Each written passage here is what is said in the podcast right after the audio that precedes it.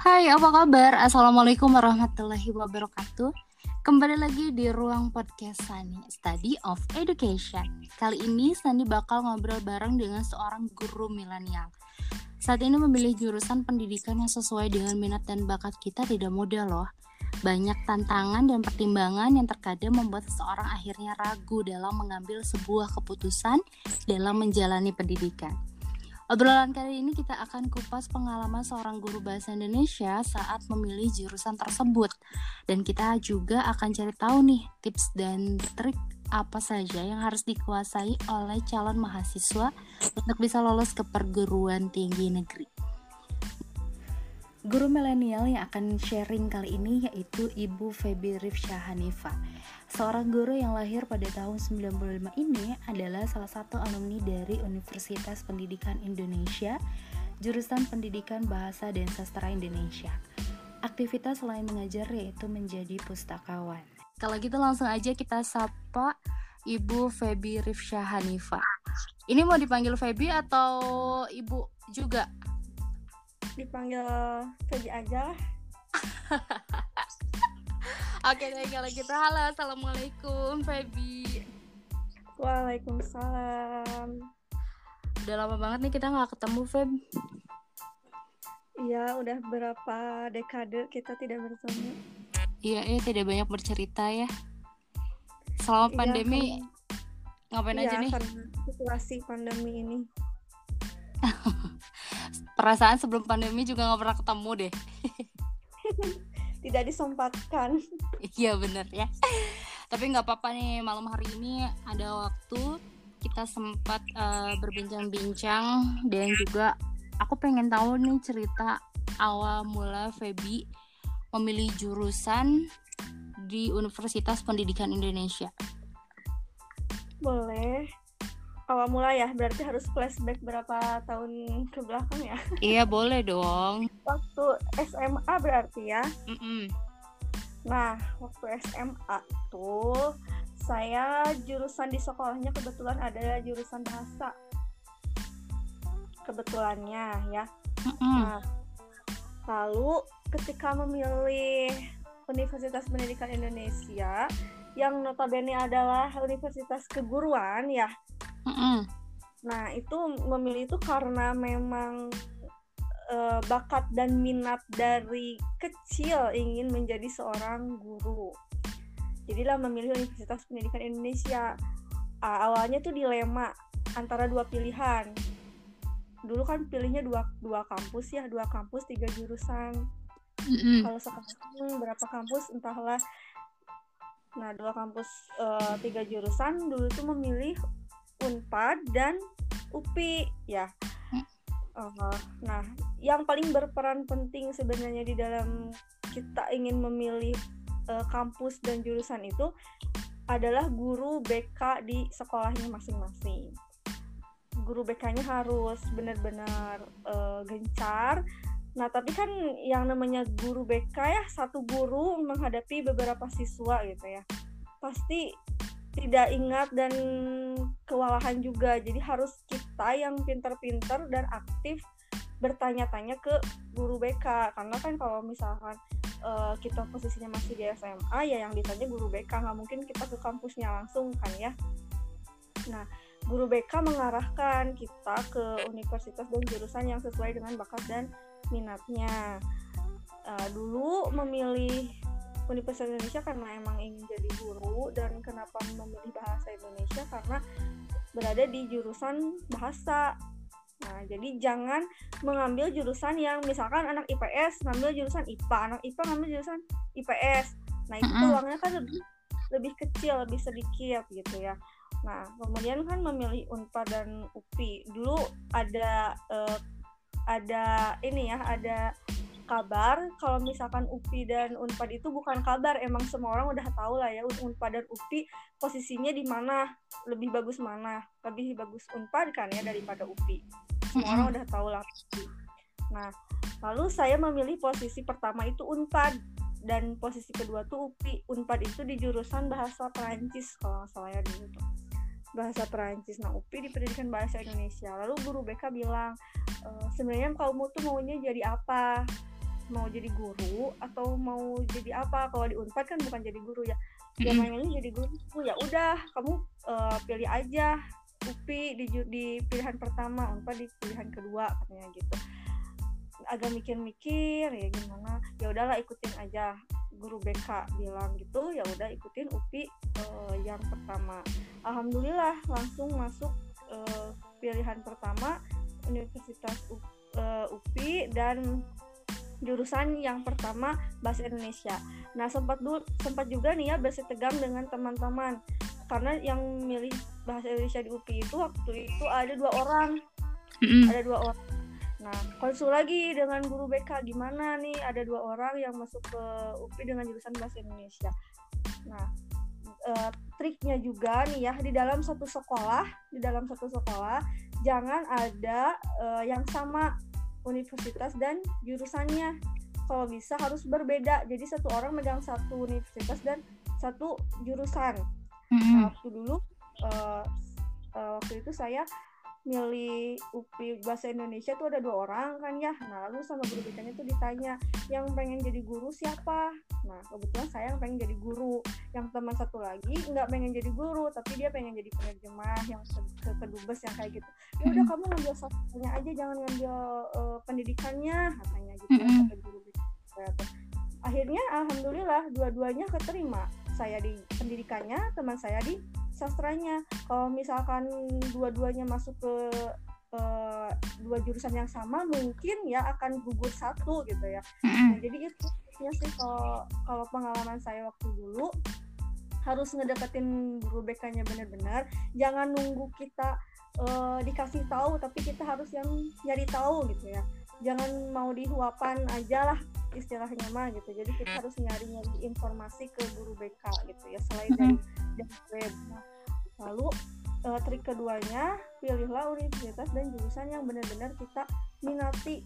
Jangan yang asal-asalan asal-asalan pengen negeri asal-asalan karena karena suka atau karena apa gak ada basic harus memilih benar-benar yang kita sukai dan kuasai lalu uh, trik ketiganya pilihlah jurusan dan universitas yang tidak sama dengan uh, teman seangkatannya.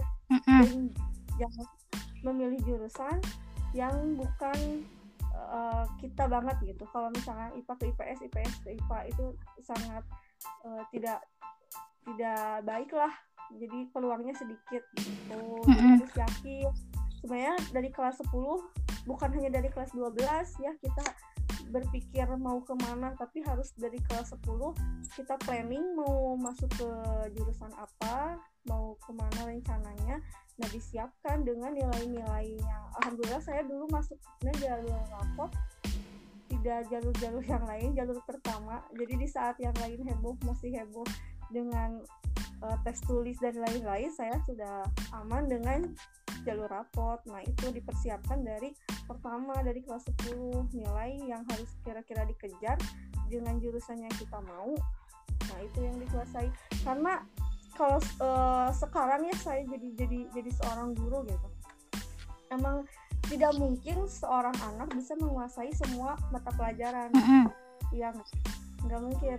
Jadi emang harus menguasai pasti satu anak menguasai satu pelajaran baik itu yang eksak atau non eksak jangan dibilang anak nggak bisa IPA nggak bisa matematika anak itu bodoh. Tapi mungkin dia bisa di keterampilan olahraga. Ngambillah jurusan olahraga kuasai bidang-bidang olahraga. Gitu triknya.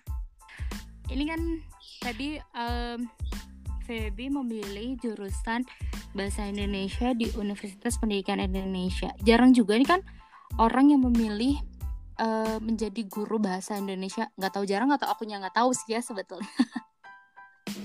Karena mungkin uh, apa ya bahasa Indonesia itu terkenal dengan tulisannya yang banyak, terus kata-katanya yang baku dan sebagai macamnya gitu. Sebenarnya uh, pendidikan sastra Indonesia itu sesulit itu nggak sih? Justru dianggap remeh, pelarian dari mata pelajaran yang susah. Mm. Karena nggak suka matematika mungkin lari ke bahasa Indonesia gampang, gampang. Tapi ternyata eh, setelah masuk ke jurusannya bahasa Indonesia itu ternyata banyak lagi mata pelajaran mata pelajarannya tentang kosakatanya tentang uh, ah banyak lah tentang ya subjek predikat yang hanya di SMA mungkin dipelajari hanya gitu-gitu aja. Lebih detail lagi banyak bahasa-bahasa baru. Ya semua semua mata pelajaran sih pasti gitu. Sama aja susah gampang tergantung orang mau belajar. Nah kalau misalkan ada nih uh, calon mahasiswa yang mau juga masuk ke perguruan tinggi negeri, khususnya jurusan bahasa Indonesia, apa aja nih yang harus dikuasai? Yang dikuasai nilai rapotnya dipersiapkan kalau misalkan mengambil jurusan yang apa ya SNM ya SNMPTN yang nilai rapot uh -uh. Dipersiapkan. Nilai rapotnya bahasa Indonesia ini jangan sampai turun. Kalau stabil boleh naik apalagi lebih bagus. Tapi jangan sampai turun. Kalau misalkan mau ikutan tes tulisnya dipersiapkan kayak sinonim, antonim udah pasti. Terus ini uh, yang paragraf pertama gagasan pokok yang kayak gitu, ide pokok kan ada bedanya ya. Ide pokok, gagasan pokok itu dengan kalimat pertama itu tuh ada bedanya. Nah, kesimpulan ya tentang kalimat tentang uh, grammarnya se Indonesia bacaan sih paling harus memahami uh, bacaan jadi membaca cepat gitu karena kalau misalkan nanti tesnya bacanya lama terlalu fokus di satu bacaan ya kehabisan waktu membaca gitu. Jadi ada trik membaca cepat baca dulu soalnya lalu cari jawabannya di teks di kalimat awal dan kalimat terakhir jadi tidak usah dibaca semua teksnya begitu. Iya sih benar juga ya karena bahasa Indonesia itu dianggap mudah padahal dengan banyaknya tulisan ternyata itu bisa menjebak gitu ya.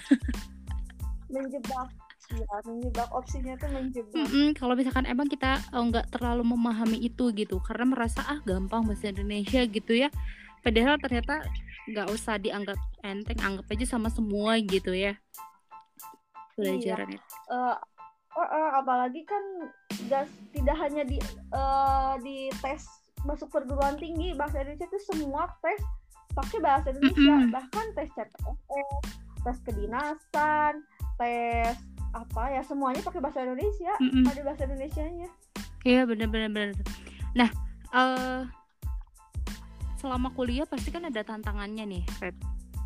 Apa aja nih hmm. tantangan selama menjalani pendidikan di perguruan tinggi negeri khususnya? Tantangannya tantangannya uh, tantangannya dengan diri sendiri. Malasnya.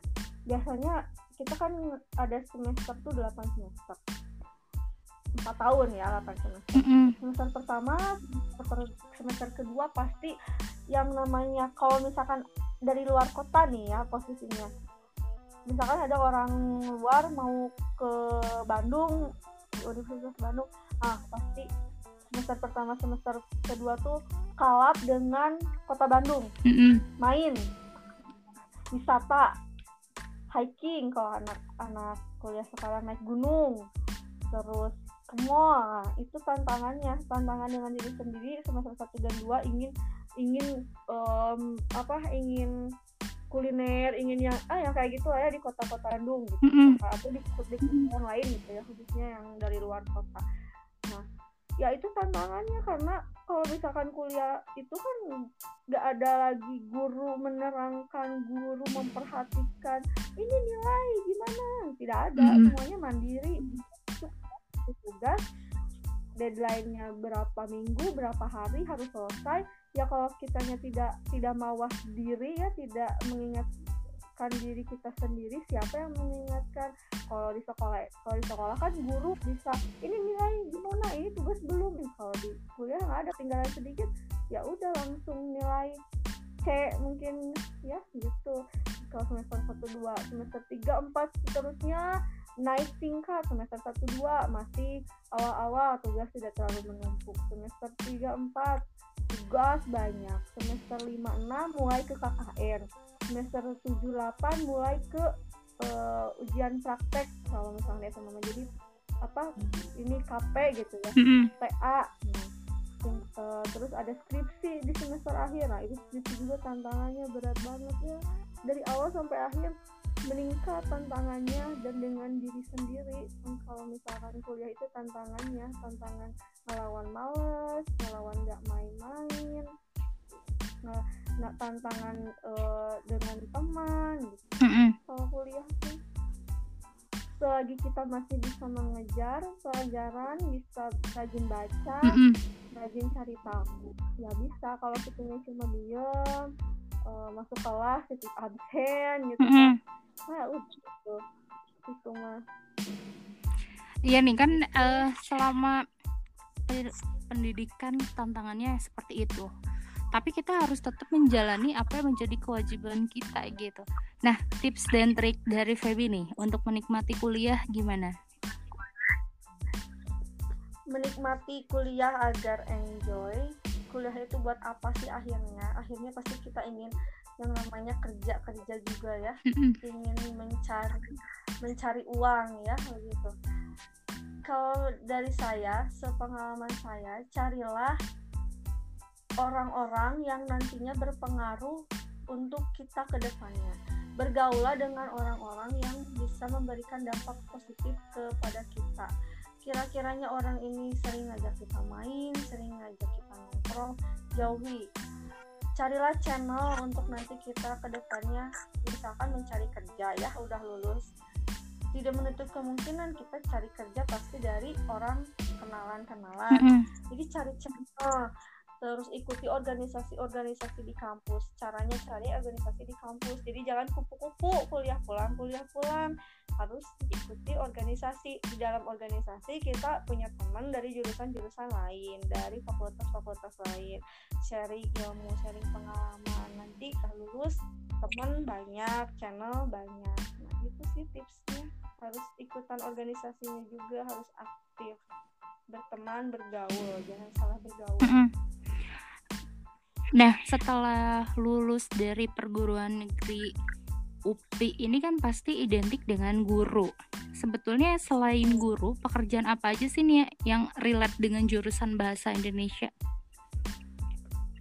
Jadi penerjemah, sekarang menjadi pustakawan, jadi jadi uh, kedubes bisa jadi uh, tour guide kalau kita bisa menguasai bahasa Inggris juga kan ngajar kalau di kalau di bahasa Indonesia itu ada ngajar untuk orang asing. Yang mau tinggal di Indonesia atau yang uh, pertukaran pelajar kita yang ngajarin bahasa Indonesia. Jadi mengajar untuk orang asing. Nanti ada mata kuliah mata kuliahnya trik mengajar orang asing. Tidak sama dengan trik mengajar uh, orang orang Indonesia gitu ya. Jadi kayak ngajar anak TK pakai games kayak gitu. Oh jadi nggak cuman gitu hanya guru aja gitu ya detiknya ya iya teman saya juga ada yang udah jadi duta perpustakaan mm-hmm. jadi ajudan ajudan Ridwan Kamil nah uh, boleh gak sih sampaikan pesan-pesan untuk para pendengar ruang podcast ini khususnya untuk mereka yang mau masuk ke perguruan tinggi